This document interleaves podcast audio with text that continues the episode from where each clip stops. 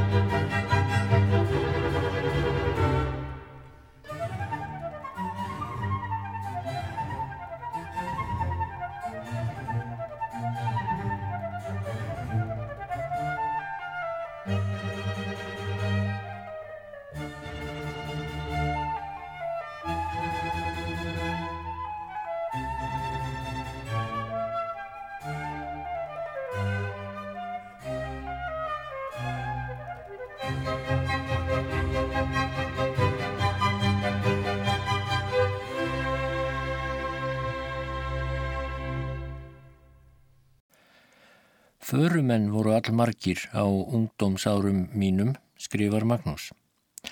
Það voru menn sem hvergi áttu heima og fóru á mis við gæði lífsins á einnið annan hátt. Þeir voru venjulega nefndir flakkarar og álitið var að þeir nefndi ekki að vinna sér fyrir brauði.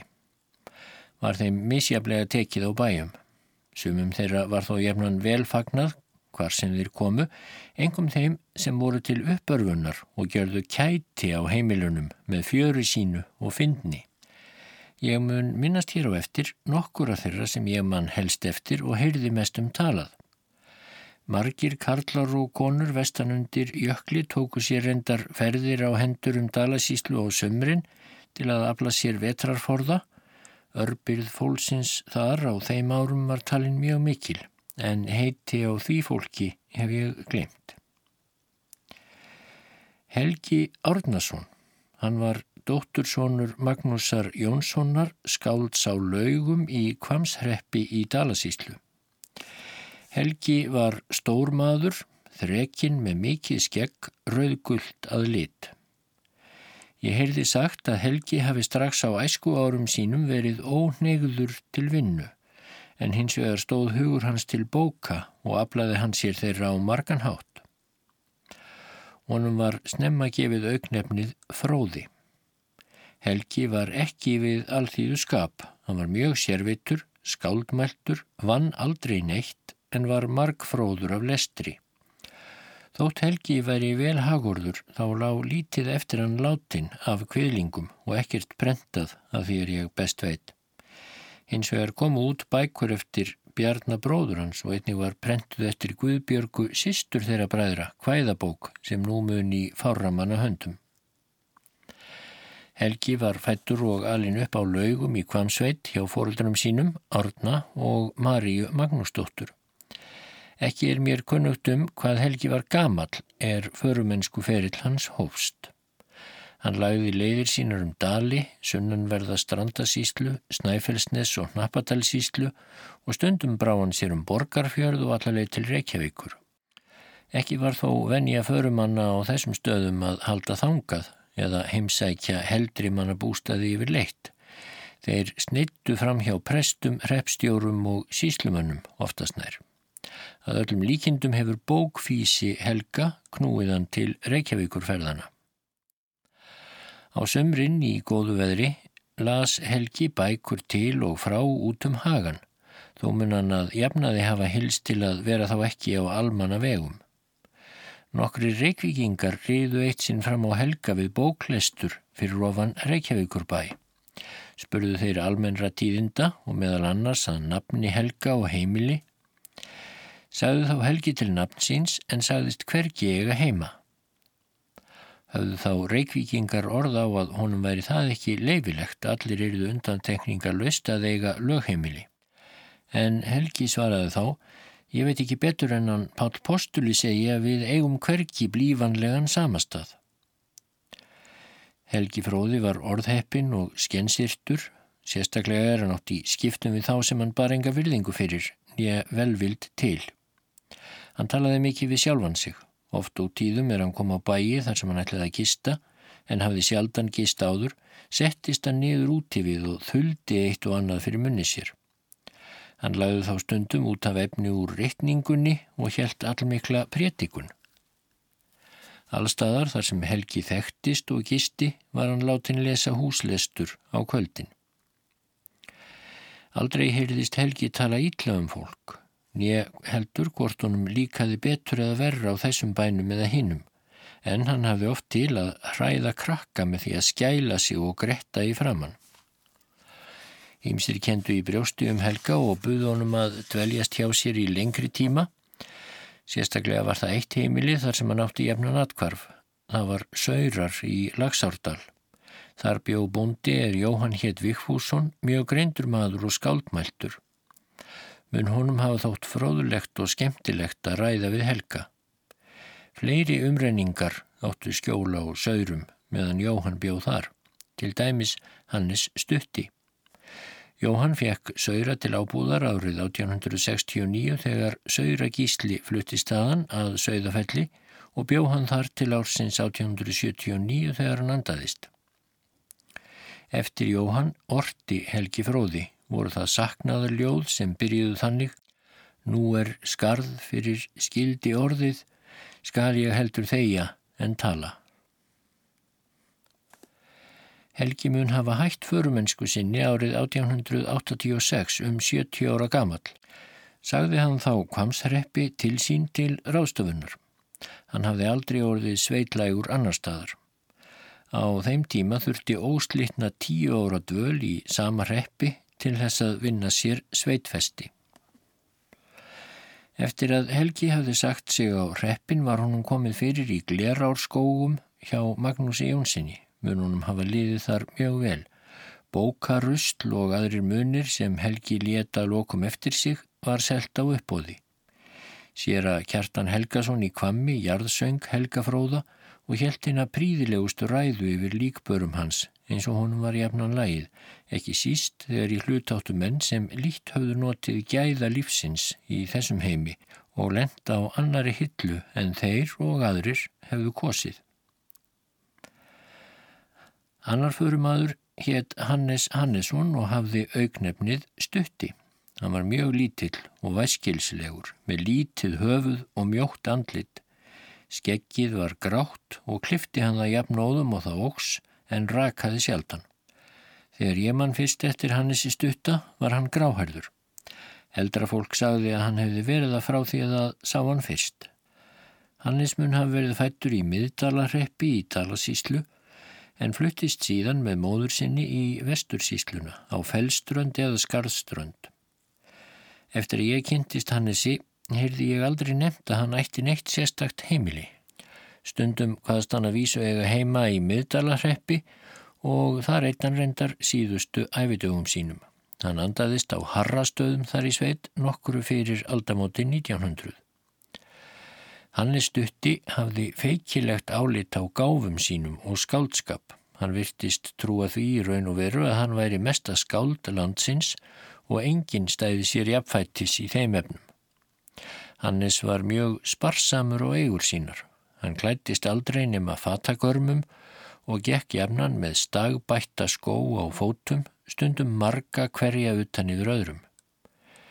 Þegar hann borðaði mat hjá sjálfum sér var það að sögn gamall og skemdur matur. Jóhann Vigfússon, bóndi á Saurum, sagði að Hannes ætti sex ára gamalt hangikjöt þar í eldhúsi sem hann væri ófáanlegur til að snerta. Hann ætlaði að geima það til betri tíma. Sama máli gengdi um fóðrun á hestum hans. Hann átti jafnan fjögur-fimm hross, stór og gjörfileg reyndar. Mér var ekki kunnugt um að hann heiaði fyrir hrossunum, þó hefur það geta verið einstöku sinnum. Hrossin let hann berjast út hjá haga til hins ítrasta. Þegar alveg var haglaust, fór hann með hestana bæ frá bæ og fekk úrgangsmóð fyrir þá og gaf þeim það út á gattin. Hann hvaðst ekki vilja annað fóður. Það væri full gott fyrir sína hesta. Ef þeir fengju betra fóður þá eru þeir ekki jefn duglegir að bjarga sér á jörðinni. Hestafóðrið gritti hann með rimnakveðskap á bæjunum. Í kringum 1860 var Hannesum tíma á skerðingstöðum í Kvamsveit. Þar átti móður mín þá heima. Sagði hún svo frá að Hannes hefði verið með rauð blesóttan hest sem hann hafði korki hús nýja hei fyrir. Bjóð hann þá til snjóhús handa blesa sínum á bakvið baðstofugablin á skerðingstöðum og ætlaði að láta hann lifa þar á tómu vatni þann tíma sem jarðbann var. Einn morgunin þegar Hannes kom á fætur lág blesi steindauður. Sagði Hannes þá að nú hefði farið ítla fyrir sér, hann hefði glemt að vatna hestinum í gerkvöldi. Hannesi þótti mikil vanverða að því hvað hann var lítill. Hann hvaðst vera miklu störri en hann síndist vera. Því til sönnunar bentan á að Magnús Einarsson bóndi í dagverðarnesi sem var með allra stærstu mönnum hefði gefið sér buksur sem væru sér alveg mátulegar aðeins heldur skálum síðar en buksurnar reyrði Hannes reyndar upp að höndum sér. Öllum sem kynntust Hannesi á miðjum aldri hans bar saman um það að hann væri með sterkustu mönnum og eftir því snar og fylgin sér. Engin maður lagði hann í glímu. Jón í lækjarskói, stjúpiminn, var járn og koparsmiður. Hann hafði við smiðjudir sínar heljar mikinn blágrítistein, sívalan. Á honum var járnið rekið.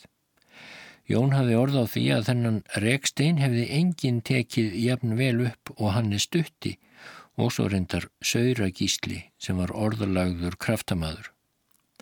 Hannes raupaði aldrei af kraftum sínum feimi og snarleika að vísu laumaðan þó eitt sinn út úr sér er honum var strít með því hvað hann væri stuttur. Ég hef margan langan lagt, lagsi minn, á nasinnar og var það vist ekki ofumælt. Hins vegar talaði Hannes mikið um skáldskap sinn og þóttist af honum. Hann sagðist yrkja undir mun dýrar í bragarháttum en nokkurt annað íslenskt skáld. Eitt sinn kom hann að lækjarskógi á sunnudag, móður mín og stjúpi voru þar ekki heima. Hjá þeim var vinnumadur er Jóhannes Hétt Jónsson, hann gaf Hannes í brennivín og varðan dál til hreyfur. Yrkir Hannes þá eftirfarandi vísu um Jóhannes, Jónsson, hann ber fræð við flest, fái aldar rós, Jóhannis víni borgist best, blessuð gæða velgjörðina. Hannes skipaði mér að koma með blað og penna og skrifa niður þessa snjöllu vísu. Hún væri svo vel kveðin að hún mætti ekki glatast. En tekið skal fram að Hannes gatt þó búið til miklu betri vísur en þetta og suðmar all góðar ef hann var reyður en ef hann ætlaði að vanda sig varð venjulega úr því dáltið klúður. Ímser sendu Hannes í vísur þar sem þeir gerðu lítið úr skáldskap hans og kviðlingum. Engin mun hafa leikið hann jafn grátt í þeim efnum og einar nokkur kendur við harrastæði í miðdölum og var talin ágætt skáld. Einhverju sinni fekk Hannes þessa vísu frá einari Vergang þróa ferum frón, flækin glóar aftur, Hannes mjói, hróðrar flón, Hjela og Jóhann kæftur. Á yngri árum Hannesar þá var allt ítt að fulltíða karlmenn úr dölum rýru til fiskjar í verstöðum á Snæfellsnesi. Var þá ein aðal verstöðun í Bervík. Þar rýri Hannes Eitsin á samt fleiri mönnum úr Dalasíslu. Þá sendi Harrastaða einar honum þessar stökur. Blessun flúði blakkin sjós í Bervíkinni þegar Hannes happaþunni honum reið á söldumunni og einar lýsir síðan útgerð Hannesar og honum sjálfum á þessa leið hakkaði úldin háf með róði, hákarls grút úr fúlu sóði, ódöns fílan af honum gausum árasleðan, vildu flestir vera af meðan, varla héttir gætu séðan. Aldrei svotan fiski fæla frelsis kvikul, skinna borið hefur hökul, heimsum aldur kringum jökul. Hannes rettist ákaflega hvaðskapnum og sendi einari aftur skamavísur en fekk jafnan svar um hæl sem var hálfu verra. Ejólfur frá Sveinatungu sendi Hannes eitt sinn naprar háðvísur en Hannes svaraði Ejólfi með eftirfarandi vísu. Hann er að flétta um hálsin sinn, ringin pretta seka, orðaglettin amaskinn, Ejólfur slettir eka. Og Einu sinni sem oftar var Hannes statur í stikisólmi, vildu þó ymsir láta hann yrkja vísur um heldri menn þar í kauptúninu og þá hvað Hannes um möller apotekara, möller þjónar mannvali, meina flestir það að sé, hann býr þær allar til úr tre, tína á sumar steipandi. Og eh, eru þetta góð dæmi um vísur Hannesar. Hannes átti á efri árum sínum brún skjóta hrissu, stóra og gerðarlega og kallaði hana skjónu. En ímsir gárungar kallaði hana rósu. Það óhapp vildi til að hrissan fjell döið niður út í haga. Þá komst á kreik þessi vísa, heims í gegnum hörmungar, hafði áður gengið, hrissan Rósa Hannesar hefur banafengið. En þegar Hannes heyrði vísuna þóttunum miður og sagði Hirt ef ég alda rekja svín, háð margfalda glósa, heldur valda hrissan mín og hétt hún aldrei rosa. Margar vísur eftir Hannes voru á vörum eldra fólks á mínum æsku dögum en er nú óðum að týna tölunni. Síðast sá ég Hannes í april 1886. Þá kom hann að Ólafsdal setni hlutadags og gisti þar um nóttina. Hann sagði okkur þá frá fyrstu fundum þeirra Símonar Dalaskálds og var svo lýsing ófögur. Hannes hvaðst hafa borið herra hlut frá þeim viðskiptum sem ímsir dróð þó í Eva. Símon var hraðmælt skáld og margfalt fljóttari að yrkja en Hannes sem vanalega var setn til þeirra starfa.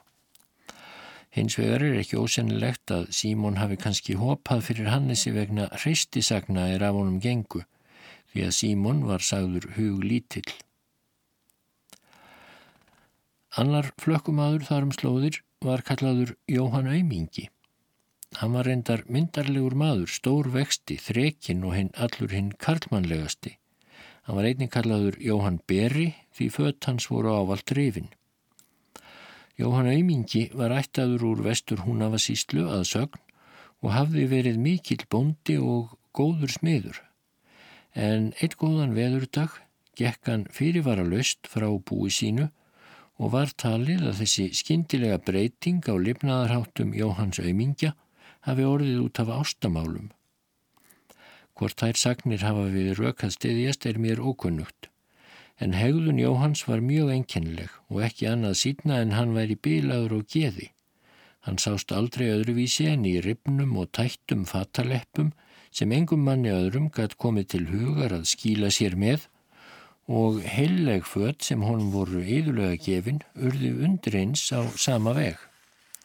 Hann eh, kom alltaf skindilega á bæina, engin vissi um hann fyrir hann rakinn höfuðið. Hann heilsaði engum en lagðist þegar upp í rúm, það rúm þar sem honum virtist vera mest næði og kyrð. Eftir nokkra stund ávarpaði hann venjulega húsmóðurina og baðan um vökunarspón sem hann kallaði. Hann vekk matinn venjulega ummyrða lust en hann var vel vandlátur og sérvitur með hornspænina sem hann borðaði með. Baðan oft um þrjá eða fjóra áður en honum líkaði spótnin og valdan reyndar ekki alltaf þann besta. Hann borðaði mikið og baðum í askin tvísvar eða þrísvar sinnum.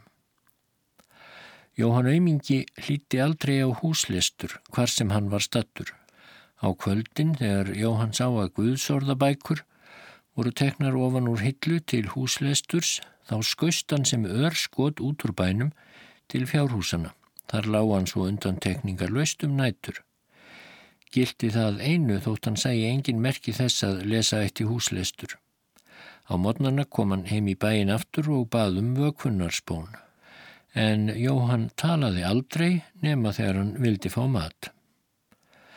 Allir fullirtu að Jóhann Aumingi væri mikill burða maður, svo að ekki tjóaði neinum að fara í handalögmál við hann. Ég heyrði sagt frá því að Jóhann hefði gist einhverju sinni á bæ í Kolbeinstaðarheppi í Napadalsíslu. Bóndin þar sem var heið mesta hraustmenni ætlaði að varna Jóhann í útgöngu úr baðstofunni þegar átt að fara að lesa húsleisturinn. Stóðan á hleranum svo að Jóhann komst ekki niður. Jóhann tók þá bóndan sem fífu vellingur væri á nokkura stimpinga og lagði hann kyrfilegu upp í rúm sem stóð þar hjá og held svo áfram ferð sinni án tafar og þurfti því ekki að heyra húsleisturinn. Allmiklar pjöngur hafði Jóhann Veimingi jafnan meðferðis. Það er skildan aldrei við sig og vissi engin hvað þar var í. Um hálsér hafði Jóhann slæðu, hengu endar hennar ofan á brjóstónum sinn korum eigin. Á þeim voru stórir hnúðar sem líktust bandliklum. Fullirtu sömur að þar verju inn í silfurpenningar en aðrir gáttu þess til að hann gemdi þar smíðiskripi sem hann sjálfur hefði gert áður en hann lagði út í förumennskuna. Þó að margir væru hrættir við Jóhann Auðmingja heyrði ég aldrei talað um að hann hefði nokkur tíma gert tilraunir til þess að hræða fólk með einu eða neinu. Ávalt sneiti Jóhann hjá heimilum embættismanna. Þegar Jóhann kom í síðasta sinn að lækjarskói var móður mín fátæk ekja. Þegar hann hafði verið á bænum um viku tíma var honum sagt að ekki væri hægt að hafa hann þar lengur. En Jóhann Aumingi gengdi því engu og satt sem fastast á bænum. Móður minni þótti dvölhansorðin full löng. Heimilisfólkið var þá ekki annað en kvennfólk og unglingar sem stóðu stuggur af Jóhanni var nú sendt til hreppstjórans og kom hann strax á vettvang. Átti hann í fyrstu í miklu stímabrakki við Jóhann sem ansaði yngu orði en flúði til fjárhúsana og leit út fyrir að hann ætlaði að verjast þar. Eftir langt þóf lagði Jóhann á stað frá lækjarskói og kom þangað ekki aftur. Ég heyrði sagt að Jóhann hefði farið norður til áttaga sinna og dvalist þar síðustu ár æfisinnar. En einn flakkarinn hétt Jóhannes Einarsson. Hann ferðaðist aðalega um Laxárdal í Dalasíslu. Það var framfærslu sveitans. Stöku sinnum ferðaðist hann þó um aðra reppa ef einhver þurft að senda hann með bref eða í öðrum erindum. Jóhannes var svo óeirinn að hann var ekki fáanlegur til að vera nema stuttan tíma á hverjum stað. Það var því ákveðið að hann skildi vera vissan tíma á hverjum bæ sveitarinnar. Aðal starf hans á heimilum var að mala rúg og bankabygg. Til erfiðisvinnu gæti hann ekki gengið. Þegar Jóhannes var um tvítugt þá hafði hann veikst mjög snöglega. Var hann þá við fiskiróðra vestur á Snæfellsnissi. Var það málmanna að á hann hafi ráðist draugur sá er sólheimamóri var kallaður og var þektur um dali og víðar. Jóhannes var þá ráðin vinnumadur hjá Sigtryggi Finnsinni í Sólheimum í Lagsárdal og sögðu menn að Sólheima Móri fylgdi Sigtryggi og fjölskyldu hans og ymsir þeir sem taldir voru skiknir þóttust hafa séð Móra og sveimi um uh, þessar slóðir á Snæfellsnesi, engum í rifi við skip það sem Jóhannes var á. Gekk draugurinn að sögn svo nærri Jóhannes sé að hann var langan tíma nær dauða en lífi. Hann misti þá máttinn öðru megin og var allæfi upp frá því mátt lítill og minnið sljótt. Hann átti bátt með að koma réttum orðum að því sem hann vildi segja. Jóhannes var sjálfur sannferður um það að sólheima móri hefði ráðist á sig og af því stafaði þessi föllun hans. En sumir heldur þó að veiki Jóhannesar stafaði einfallega af slægi sem hann hefði fengið við sjóróðurana. En hvernig sem það hefur verið, þá var einkennilegt hvað Jóhannes sótti ídla að hvar sem hann kom. Hann var mjög árrisull og lagði vanalega af stað frá þeim bæjum sem hann gisti á áður en fólkið vaknaði og kom því á næstu bæji um fótaferðartíma.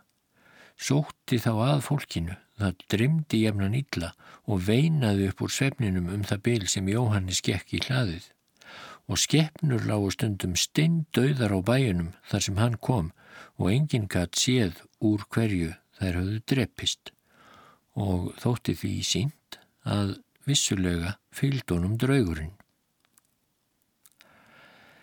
Kristján Prófastur hétt einn föðrum aður en enn. Hann átti heima vestur undir jökli í Nesreppi utan ennis. Hann var ekki meðalmaður á hæð og fremur grannvaksinn Ég sá Kristján Prófast fyrst í Lækjarskógi sömarið 1872.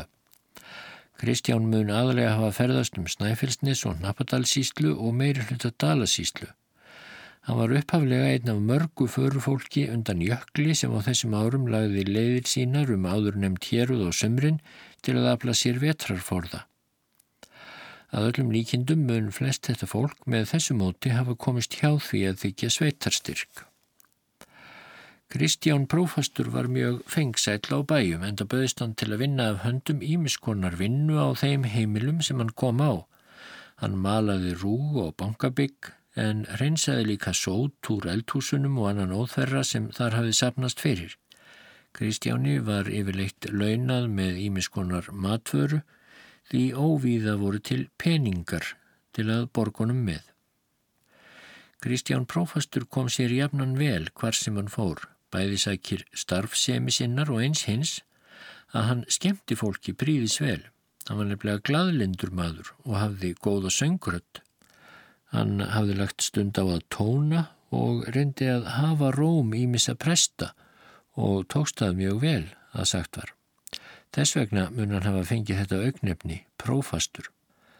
Afdrif Kristjáns prófasts urðu þau að eitt sinn þegar hann var á leið til áttagana frá Stikisólmi þá gerði alldimt kavald sél. Kristján kom aldrei fram og heldu þeir sem best þekktu til að hann myndi hafa farið niður um ís á augurvatni. En þessi urðu sem sagt örlug prófassins. Sigurður Svarti var svo enn einn vörumadurinn. Hann sá ég reyndar aldrei en heyrði mikið um hann talað á bensku árum mínum. Stóð mörgu fólki mikill beigur af Sigurði Svarta. Það var haft eftir Pétri frá Stökkum að hann hafi verið nefndur Sigurður Rauði í kringum Breiðafjörð. Það má vera að hann hafi verið kallaður það Norðan Breiðafjörðar en um alla dali var hann æfinlega kallaður Sigurður Svarti og ekkert annað. Honum var líst svo að hann væri með allra stærstu mönnum um þrjár álnir á hæð og eftir því þreklegur á velli en luralegur. Hann var svartur og hár og skegg og allur skuggalegur útlits. Talið var að Sigurður væri ættaður úr húnavasíslu frá Kotkvammi á Vasnesi. Frá viðregn þeirra Sigurðar Svarta og Jóns Magnússonar Posts heyrði ég sagt á þessa leið. Í einni postferð sinni á söður leið yfir Þorskafjörðarheiði mætir Jón Magnússon stórum og gildum manni með langan og sveran brottstaf í hendi. Hilsaði sá Jóni og spyr hvort peningar séu í postkoffortum hans. Grunar Jón þegar að þetta myndi vera Sigurður svarti og sagðunum að í koffortunum væri að vísu miklir peningar en honum er ekki afhendur einn skildingur að órindu. Tók Sigurður þá jafnskjótt í tauma hests þess sem Jón Póstur reið og ætlaði með því að gefa til kynna að hann sjálfur myndi ráða ferðinni. Jón Póstur hafði þá í hendi svipumikla, smíðaða af sumarliða í æðei sem var gunnur smiður. Á fremri enda svipunar var hamar en innan í henni var beittur korði sem var mikið og örugt vopn. Þegar Jón sá hvað verða vildi, vattan sér skjótlega af hestbæki, reytti upp svipuna og skipaði Sigurði að sleppa samstundist tömnum á hæstinum. Sigurður svarti sá sitt óvætna og hlíti, skrúaði Jón í sundur svipuna og sínir honum korðan. Leist Sigurður þá ekki á blikuna. Jón rak síðan hesta sína af stað og Sigurður stóð þegjandi eftir sem steini lostinn í sömu sporum og stuttist fram á brottstafsinn, svo lengi sem Jón sá til hans. Haldið var að Sigurður hafi ásett sér að ráða niðurlugum Jóns í þessari ferð og stela peningunum en ekki treyst sér þegar á holmin var komið. Grunur láreindar á að Sigurður hefði fyrir komið að minnstakosti einu manni og haft huga á að láta fleiri fara sömu leið.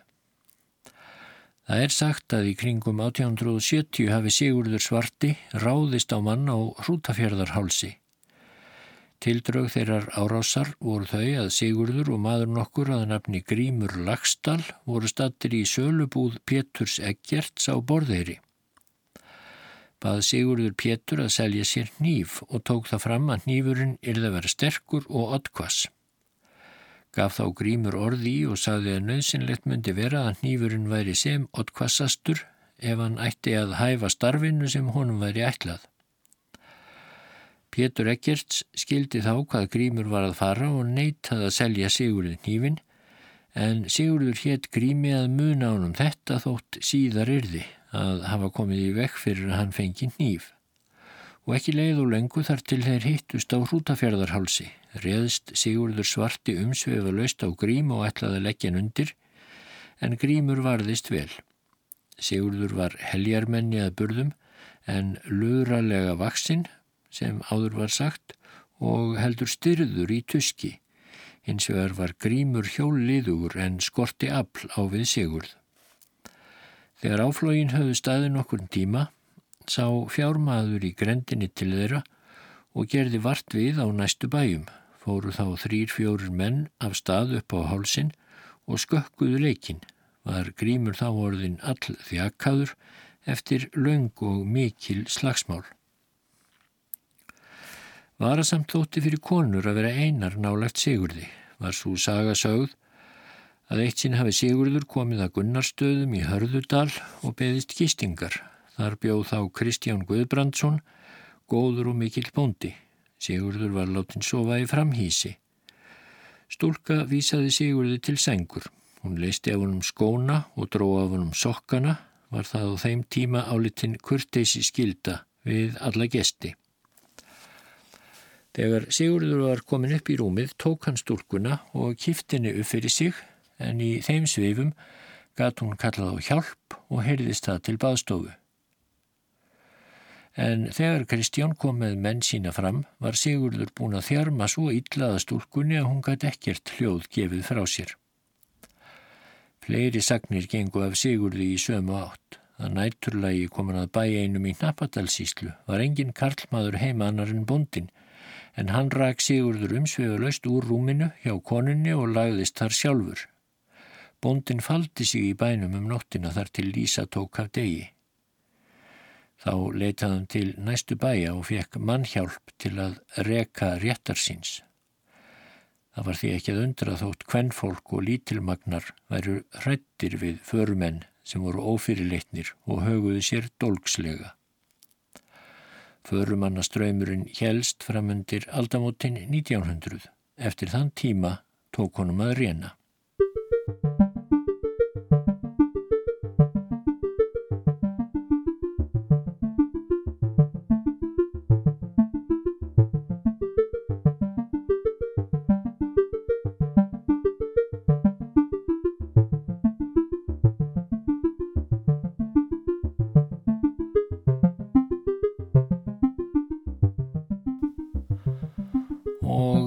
Segir Magnús Fridriksson í minningabóksinni frá skriðurhlaupi á hlýðartún. Þegar sáatburður gerðist var ég í Ólafstal skrifaran. Þar sem langt er á milli fekk ég ekki jafn glöggar frásagnir af skriðurhlaupinu og hlýðartún og hefði ég dvalist söður í dölum og það festist mér ekki eins vel í minni. Guðmundur Baldvinsson, bondi á Hamrændum, hefur hins vegar góðfúslega látið mér í tíu lýsingu á því sem þó skeiði fyrir hans daga. en fadir Guðmundar Baldvin Baldvinsson átti heima á Breiðabólstað í Sökkólstall næsta bæ við Hlýðartún þegar skriðan mikla fjell. Hann var mikill skýrleiksmaður og sagði síni sínum frá þessum atbyrði. Árið 1884 bjó í hlýðartúni í miðdalarreppi maður sá er Ólafur hétt Þorðarsson með konu sinni, Cecilju Jónsdóttur. Var þetta síðara hjónaband begja hjónana. Ólafur hafði búið í hlýðartúni allmörg undan farin ár. Hann var komin um sextugt. Á vist með þeim hjónum voru þrjú börn af fyrra hjónabandi Ólafs, Sigurður 24 ára, Kristín 26 ára, Sigríður 10 ára og af fyrra hjónabandi Sesselju, Margrét Jónsdóttir, 26 ára. Ólafur var talin vel efnaður, en það var hann dugandi maður, sterkur og fylgin sér, gladvær á heimili og mannamótum og nokkuð geðríkur. Naut hann almennra vinsælda sveitunga sinna, setni kona Ólafs, Sesselja, þótti myndarleg húsfreyja. Hún var hög til munns og handa og mikil húsmóðir. Öll börn þeirra hjóna voru mannvænleg, vel gefin og dögleg til allra verka. Bæjarhúsin í hlýðartúni snýru frá söðri til norðurs. Gluggar voru á vesturlið baðstofunnar, hlýðarmegin, við norðurgapl bæjarins stóð geimslu skemma. Dyr skemmunar vissu í austur, búr og eldhús stóðu við austurlið baðstofunnar og snýru stöfnum frá söðri til norðurs eins og bærin. Gangur lág frá baðstofu til dýra millir eldhús og búrs, vissu bæjardirnar til östurs. Grunnur baðstofunnar var nokkur herri en gangsins, hörð var í innri enda gangsins og opnaðist inn í baðstofuna. Skamt fyrir sunnan söðurgapl bæjarinn stóðu peningshúsin. Útsýni frá hlýðartúnsbæjum var af skornum skamti til norðurs sést á söðurenda söðafells og fjöllin fyrir söðausturhluta miðdarana. Grafar og breyðabólstaðarfjall blasa við. Til vesturs er há og brött fjallslíð gróður lítil. Smá lækur eða bæjarlækurinn seittlar úr hlýðarbungunum og rennur í smá fossum niður af glettabelti skamtir ofan bæin. Þegar úrkomur eru miklar í leysingum getur bæjarlækurinn orðið allmikið vassfall sem grefur sundur sandbakkana og ber fram auður og leir á túnið. Haustið 1884 var mjög úrfellasamt og tíðar far óstöðugt, sérstaklega í november. Snjókomur og rigningar skiptust á með miklum stormum, frost voru engin svo að jörð varð mjög gljúp. Rönnu viða skriður úr bröttum fjálslýðum á lálendið og gjörðu mikinn jarðustla og skada. Femtudaginn 13. november kom vestanposturinn frá Reykjavík sunnan yfir Bröttubrekku og helt vestur í Dali. Það var Árni Gíslason. Hann hafði þá nýlega tekið að sér postferðir frá Reykjavík til Hjarðarholts í Dölum. Í förmið postinum var maður að nafni Jónas Jónasson. Hann kom frá Reykjavík og ætlaði til Stikkisólms, þar átt hann heimili. Hafði Jónas einhver tíma áður verið kunnugur Sesselju húsfreyju í Hlýðartúni og fyrir manni hennar Hann baðst því þar gistingar en pósturinn helt leðarsinnar að hjarðarholti um kvöldið. Jónasi var vel fagnað í hlýðartúni og satan þar um kyrt einn dag, förstu daginn 14. november. Veður fór vestnandi af suðaustri með miklum stormi og rigningu, gekk vindurinn til suðvesturs þegar leið á daginn með hörðum snjójæljum svo að jörð varð grá kvít. Sunnudaginn 16. november þurfti Samuel Jósúasson, bondi á bæ í miðdölum, að bregða sér að breyðabólstað í einhverjum erindum. Láleið Samuels suður með bæjunum vestan miðár þegar hann kemur suður í Sökkólstalin og nálgast hlýðartún, dettur honum í hug að koma þar við. Sagnir eru um að Samuel hafi sínst tveir menn standa úti fyrir dyrum í hlýðartúni en mennirnir hafi horfið þegar hann kom nær bænum undraðist hann það mjög og hugsaði þó helst að það myndi eiga að fara að lesa húslesturinn og af þeim ástæðum hefðu þessir menn horfið inn í bæin. Aðrir segja að Samuel hafi þótt eitthvað óvenjulegt umhorfs kringum bæin og lagt leið sína þar um til að ganga úr skuggaum hvort svo væri eða ekki. Samuel gekk raklitt til bæjarins og sá ekki hann að í fyrstu en allt væri með feldu. Hann kvatti þegar dýra en árangur slust. Ætlaði Samuel þá að opna bæjarhörðina en fyrirstaða var svo mikil innan frá að honum tókst það ekki. Gengur hann þá til fjóssins ef þar kynni að vera fólk en þar var engan mann að sjá. Kýrnar stóðu hungraðar á básunum og virtust ekki hafa fengið fóður í nokkun tíma. Sneri Samuel til bæjarins á ný og gerði enn til raun til að opna út í hörðina en allt fór á sömuleið og áður. Hann fór þá vestur fyrir bæin. Þar sáust glögt vöksummerkin. Uppi við fjálsbrún hafði sprungið fram stór jarðspilda og borist ofan lækjarfarvegin niður á klettahjallan neðarlega í hlýðinni. Þaðan hafði auðskriðan flóið ofan á vestur hlið baðstofunar og brotið alla hliðina, þekju og viði og runnið alla leiðin í baðstofu. Samuel kallaði inn í rústirnar til að vita hvort nokkur væri þar með lífsmarki. Hann þóttist geta greint hljóð tilbaka gegnum öyrin, bráðan þá skjótt við og hraðaði sér sem mestan mátti að breyðabólstað til að segja tíðindin og fá mannhjálp ef vera mætti að einhverjir væru þar enn á lífi í rústunum. Bóndin á Breiðabólstað var ekki heima þegar Samuel kom en allir karlmenninir á heimilinu fylgdust með honum að hlýðartúni. Þá var og sendað gröf sem er þar skamt frá og á aðra nálega bæi. Brúðust allir skjótt og vel við. Fregninum þennan atburð var látin ganga tafarlaust um suðurluta miðdarlarreps svo að á sveipstundu var komin hópur ötulla aðtorkumanna sem tóku þegar til starfa kvíldarlaust. Þegar grafið hafði verið nokkra stund í skriðunni og komið var inn í baðstofuna fannst Sigurður Ólafsson fyrstur. Hann lág á bakinu í rúmi sínu. Á brjósti hans kvildi stór stein, svo stóra hann varð ekki hreyfður þaðan með handabli einu saman. Kristín sýstir hans lág á gólfinu við rúm Sigurðar. Næturgesturinn Jónas Jónasson fannst við norðurgafl baðstofunar nálegt dyrunum. Ólafur húsbóndin stóð við baðstofudirnar og helt annari hendi um efri brún hörðarinnar. Sigriður dóttir hans lág í rúmi sínu fyrir ofan Margreti með lærdomskver sitt á brjóstinu. Allt þetta fólk var öðrend með meiri eða minni meðsli.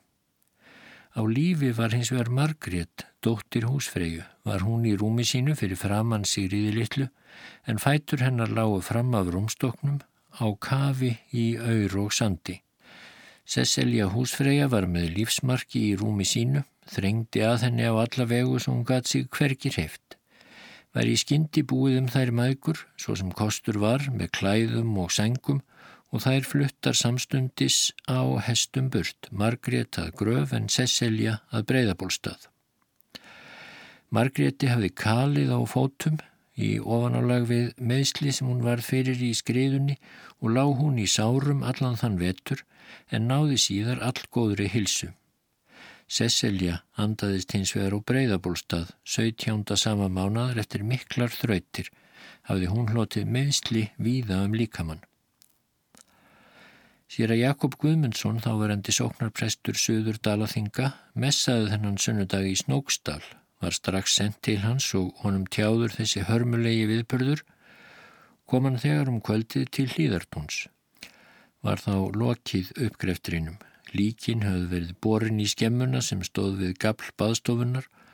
Önnur hús á staðnum voru ekki tiltækileg að leggja líkin í.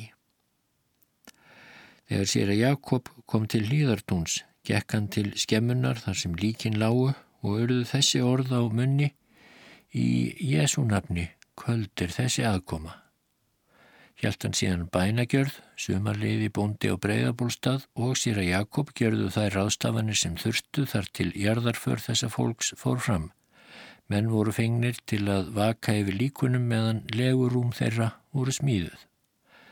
Fátt er vitað hvað gerðist í baðstofunni í Líðartúni frá því skriðan fjall á fastudagskvöldið og til sunnudagsins þegar loks var aðkomið.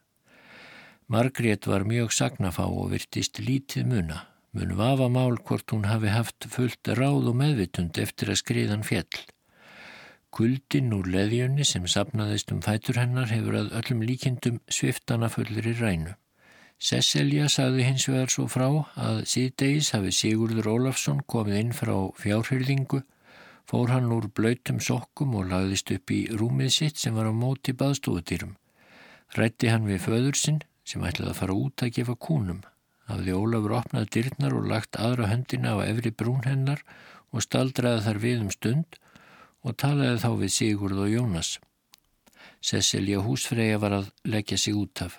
Víða var venja á bæjum á þeim tímum að fólk fengi sér rökkurt úr og Kristín satt á rúmi sínu og var með sokka bróður síns sem hún hafði þá fyrir stundu verið að hjálpa honum úr. Og allt í einu spratt hún upp og kallaði hvað er þetta? Guð hjálpi mér. En á sama andartæki fjell skriðan á bæin. Hefur Kristín heyrt þegar skriður hlaupið nálgæðist og risið um leið á fættur og komist að rúmi Sigurðar bróður síns en við rúmið fannst svo líkennar. Svo virðist að Cecilia hafi ekki fylst með nema öðru hverju eftir að skriðan fjall á bæin. Hún myndist þess þó að Sigriður lilla kvartaðum þorsta og baðum að gefa sér að drekka og hvað sér hafi þótt sárt að geta ekki orðið við beðinni barsins en það var hún skorðuð í leðjunni. Að líkindum hefur Sigríður andaðst fyrstu nóttina, Cecilia hvaðs lengi hafa staðið fyrir meiningu að Ólafur hafi verið komin út úr bænum þegar skriðan fjall, en því miður var það ekki. Samræður þeirra feðga og gestsins töfðu fyrir útgöngu hans. Þar sem Cecilia lifði aðeins tæpan sólaring frá því hún náðist úr skriðunni er skiljanlegt að frásagnir hennar séu ekki ítarlegar en strengjaklukka sem var í baðstofunni hafi fallið yfir á bytta við fótakabl hjónarúmsins klukkan var sex þegar hún stöðvaðist.